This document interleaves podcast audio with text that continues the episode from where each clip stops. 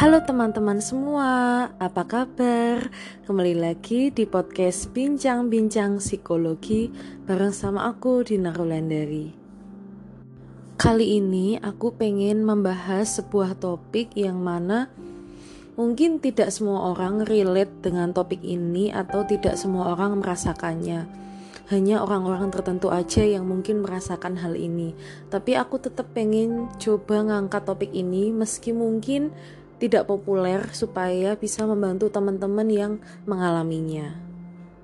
Yaitu ketika kita cenderung selalu jatuh cinta sama cowok-cowok yang dingin, yang menjauh dari kita. Intinya semakin dia itu ngejauh, semakin dia dingin, semakin dia sulit didapetin. Itu nggak tahu kenapa rasanya di dalam dada itu ada spark ada keterikatan, ada pengen banget gitu.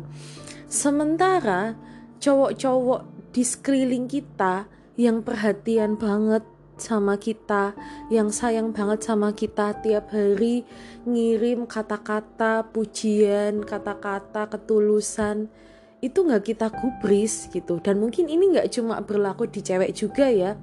Mungkin cowok juga merasakan hal ini Intinya, kita cenderung lebih tertarik sama seseorang yang unavailable alias nggak tersedia.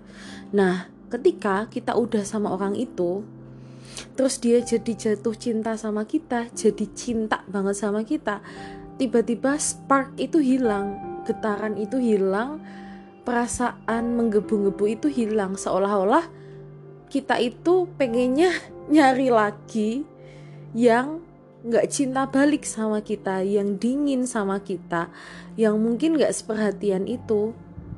Padahal jauh di dalam lubuk hati, kita itu sebenarnya juga pengen banget pasangan yang care, yang hangat, yang peduli sama kita. Ya mirip kayak cowok-cowok atau mungkin cewek-cewek yang selama ini mengelilingi kita, ngejar-ngejar kita, ngasih perhatian yang tulus. Tapi entah kenapa selalu suka sama cowok yang tanda kutip gak suka sama kita. Tapi kita ignore, cuek sama cowok yang malah suka sama kita. Ibarat kata kita itu meminta cinta dari seseorang yang tidak memberikan cinta itu dan kita menolak cinta dari seseorang yang memberikan cinta itu. Nah, kenapa bisa gitu ya? Kenapa kita bisa tertarik sama unavailable man? Jadi teman-teman, sebenarnya semua ini itu lagi-lagi ada kaitannya sama orang tua kita atau orang-orang yang mengasuh kita di masa kecil. Sebenarnya nggak harus selalu orang tua. Ketika kita di masa kecil itu mungkin deketnya sama kakek nenek, diasuhnya sama kakek nenek atau sama om, tante, paman, bibi, pak de, bude yang rawat kita itu juga ada keterkaitannya sama kita sekarang ketika kita memilih orang yang kita suka untuk jadi pasangan. Ketika waktu kecil kita cenderung kebiasa sama orang tua atau pengasuh yang dingin, yang cuek, yang mungkin uh, ketika kita butuh orang tua kita atau pengasuh kita itu nggak available secara emosional, nggak tersedia secara fisik atau emosional, intinya unavailable itu tadi. Pas dewasa gitu, kita juga ada ketertarikan sam yang sama gitu dengan orang-orang yang unavailable juga karena kita pernah mengalami ini sebelumnya gitu dan itu sangat-sangat familiar buat kita. Kita sangat terbiasa dengan itu dan seolah-olah di masa sekarang kita itu pengen banget bisa meraih cinta itu dari si unavailable man itu karena dulu kita mungkin merasa tidak berhasil mendapatkan cinta itu dari orang tua kita atau pengasuh kita yang saat itu dingin sama kita. Sehingga sekarang kita terjebak di pola yang sama lagi yang familiar dan berusaha untuk memenangkan cinta itu. Nah, buat teman-teman yang ngerasa ngalamin ini, coba dicek lagi apa emang bener pengasuh kalian dulu itu punya sifat-sifat atau perilaku-perilaku yang mirip sama cowok atau cewek yang lagi kalian suka banget sekarang. Entah itu sama-sama dingin, sama-sama cuek, atau mungkin sifat-sifat lainnya nggak harus dingin cuek ya tapi ada kesamaan kemiripan itu sendiri nah hal kayak gini kalau diterusin itu nggak akan ada habisnya kita cenderung cinta ngejar sama orang yang nggak cinta balik sama kita sementara kita malah nggak melirik orang yang malah tulus sama kita makanya mulai sekarang yuk kenali lagi sebenarnya Apakah pola seperti ini itu sehat buat aku? Apakah cinta ini beneran cinta yang nyata atau hanya karena hal ini terasa familiar dengan yang kita alami waktu kecil atau selama kita hidup dengan pengasuh kita? Buat teman-teman yang ngalamin hal ini, yang cenderung suka sama unavailable partner atau unavailable man, tahu nggak sih kalau kalian ini berhak loh dapetin cowok yang beneran sayang sama kalian kalian tuh berhak diperlakukan dengan hangat dengan penuh cinta kasih dengan penuh ketulusan dengan penuh perhatian gitu emang mungkin seseorang yang punya isu kayak gini itu melihat cowok-cowok kayak gini yang penuh perhatian, penuh kasih sayang itu kurang menarik, nggak semenarik si cowok-cowok yang unavailable tadi.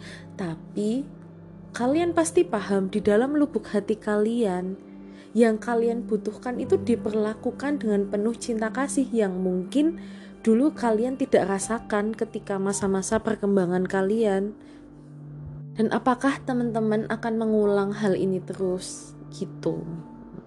Nah, terus gimana Kak cara mengatasinya?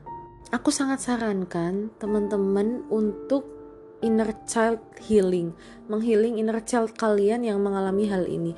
Kalau mungkin teman-teman gak bisa ngelakuin sendiri, teman-teman bisa konsultasiin sama psikolog tentang inner child healing ini atau mungkin juga bisa dengerin episode episodeku sebelumnya tentang memahami inner child yang terluka atau mengatasi anxious attachment atau tips healing anxious attachment. Di situ aku banyak cerita tentang gimana caranya nemuin inner child kita untuk mengobati dia. Intinya, kita bayangkan situasi di masa kecil itu ketika kita itu ngerasa terluka, pengasuh kita nggak responsif sama kita dan kita nenangin si anak kecil itu bahwa sekarang dia aman, sekarang dia baik-baik aja karena ada dirimu yang dewasa yang mau menemui dan mengasuh dia. Ibarat kata, kita itu jadi ayah sekaligus jadi ibu bagi diri kita diri kita sendiri. Kita itu ngasih perlakuan ke inner child kita atau ke diri kita sendiri perlakuan-perlakuan yang hangat, tulus, penuh cinta kasih yang mungkin tidak kita dapatkan dari orang tua atau pengasuh kita yang sebenarnya sangat-sangat ingin kita dapatkan. Berikan cinta ke dirimu sendiri, sebuah cinta yang selama ini kamu cari. Jangan terus mengharap cinta dari luar, tapi mulailah untuk ngasih itu ke diri sendiri. Perlakukan diri kamu seperti halnya kamu tuh pengen banget diperlakukan orang lain. Coba deh kamu identifikasi. Sebenarnya kamu tuh kalau punya pasangan pengennya diperlakukan kayak apa sih? Sehangat apa setulus apa secinta apa? Dan kasihlah itu ke diri sendiri. Karena walaupun sebenarnya belum mungkin belum ada sampai sekarang yang benar-benar bisa memberikan cinta itu kalian bisa kok untuk pelan-pelan ngasih itu dulu ke diri kalian sendiri sebelum kalian bertemu sama seseorang yang juga bisa membantu memberikannya. Nah, segitu dulu aja podcastku. Mudah-mudahan bermanfaat ya. Kalau masih ada yang belum jelas soal hal ini, boleh banget ditanyain di Instagram aku @dinarulandari atau di Instagram @bincang-bincang-psikologi. Terima kasih teman-teman. Semoga teman-teman selalu dalam keadaan sehat, dalam keadaan yang bahagia dan bisa memiliki cinta yang bahagia.